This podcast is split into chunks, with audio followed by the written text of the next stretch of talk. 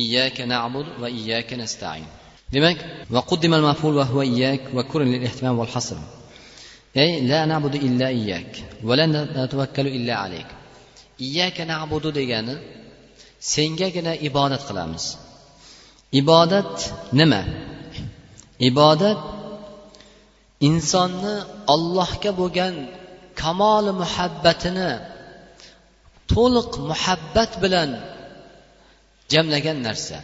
Ya'ni qaysi bir insonni ollohga bo'lgan muhabbati haq bo'ladigan bo'lsa va ollohdan bo'ladigan qo'rqusi haq bo'ladigan bo'lsa yolvorishi va tavakkuli allohga bo'lgan yaqin ishonch haq bo'lishligi mana shu narsani o'zi ibodat deyilar ekan. Demak biz hammamiz har kuni namozda nima deymiz? Iyyaka nabud sengagina ibodat qilamiz. Ibodat deganda faqatgina bir namozni tushunib qolmasligimiz kerak.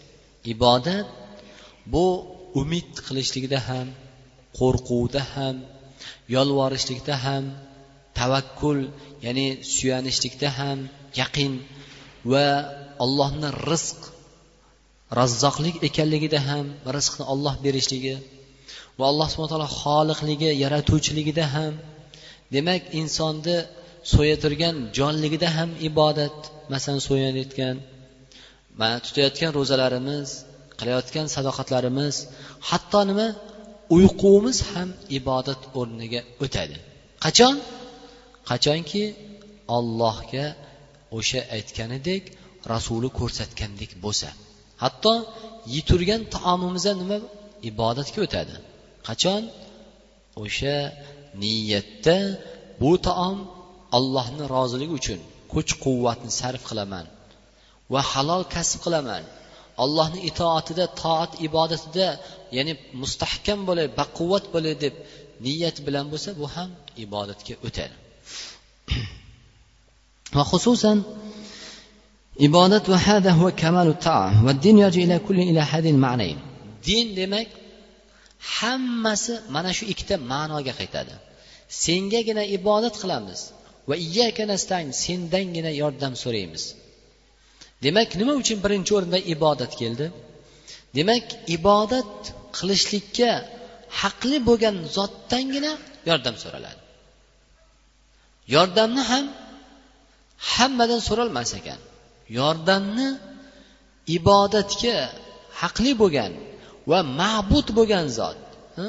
Hamma narsani egasi sensan deb tursaku lekin yordamni panohni boshqadan so'raydigan bo'lsak bu ya'ni biz ibodatdan ya'ni haqiqiy ibodat qilmagan bo'lar ekanmiz.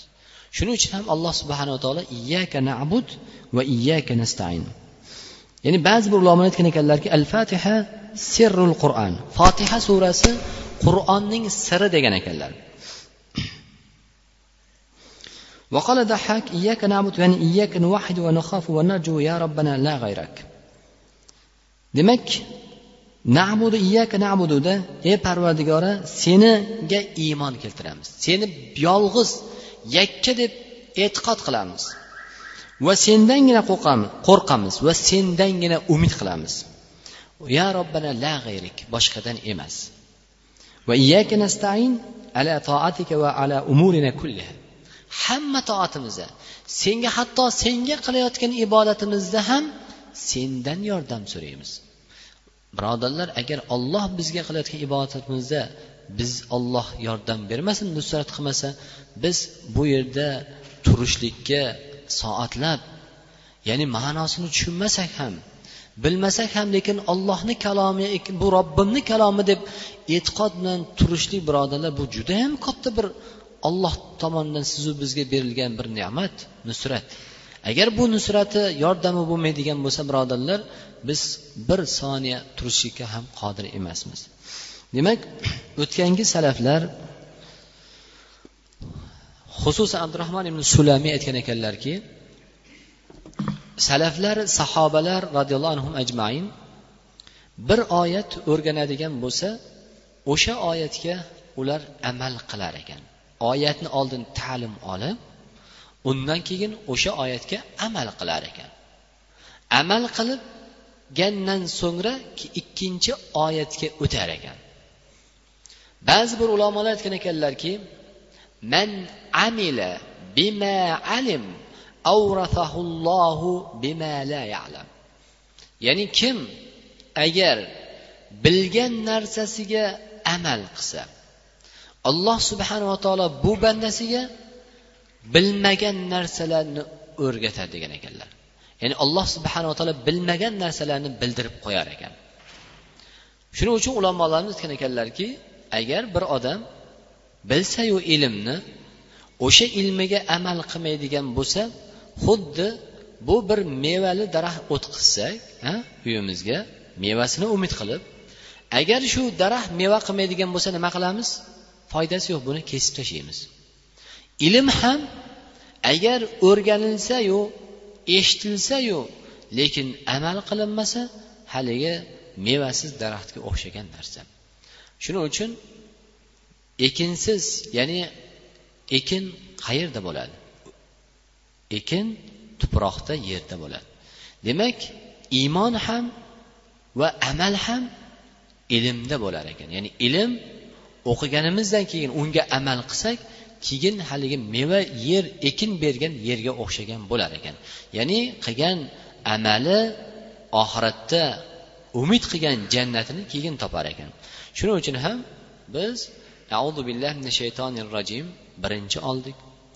Bu audu billahi min shaytonir rojim g'azab kelganda ham insonni qalbiga vasvos xavotir shaytoniy xavotirlar kelganda bismillahi rohmanir rohimni qaysi bir ishda bismillah bilan boshlasa olloh baraka berishligini hatto rasululloh sollallohu alayhi vasallam aytgan ekanlarki kim agar uydan chiqishda bismillahi rohmanir rohim yoki bismillah tavakkaltu alalloh deb uydan ostonasidan chiqib ketadigan bo'lsa eshigidan albatta olloh bu odamni uyiga o'zi kafil bo'ladi degan ekan. Musibatdan balodan ofatdan. Va qaysi bir inson uyga kirishda bismillahi rohmanir rohim assalomu alaykum deb kiradigan bo'lsa albatta bu odam uyiga baraka bilan kiradi degan ekanlar. Va albatta fotiha surasini fazini kasallarga o'qishlik va inson fotihani payg'ambarimiz sollallohu alayhi vasallam aytgan ekanlarki afzalu zikr la ilaha illalloh eng yaxshi zikr nima? La ilaha illalloh. Va afzalu duo alhamdulillah. Ya'ni eng yaxshi duo nima? Alhamdulillah. Demak bu narsalarni hayotimizga tadbiq qilib borishimiz kerak ekan. Bu o'qib eshitishlik oson juda ham oson lekin amal qilishlik bu juda ham qiyin. Shuning uchun ham alloh subhanaa taolo sizu bizdan mana shu amalni talab qildi. Amanu iymon keltirganlar va amilu solihat va o'sha iymonini ga amal qilganlar ulaika hum xayrul bariya. Ana bular nima? Olloh yaratgan maxluqlarni ichida eng yaxshisi ana shu odamlardir. Demak alloh subhana taolo hammalarimizni mo'min musulmon bo'lishlik va solihlardan bo'lishlik va solih amallar qilishlik alloh hammalarimizni muvaffaq qilsin.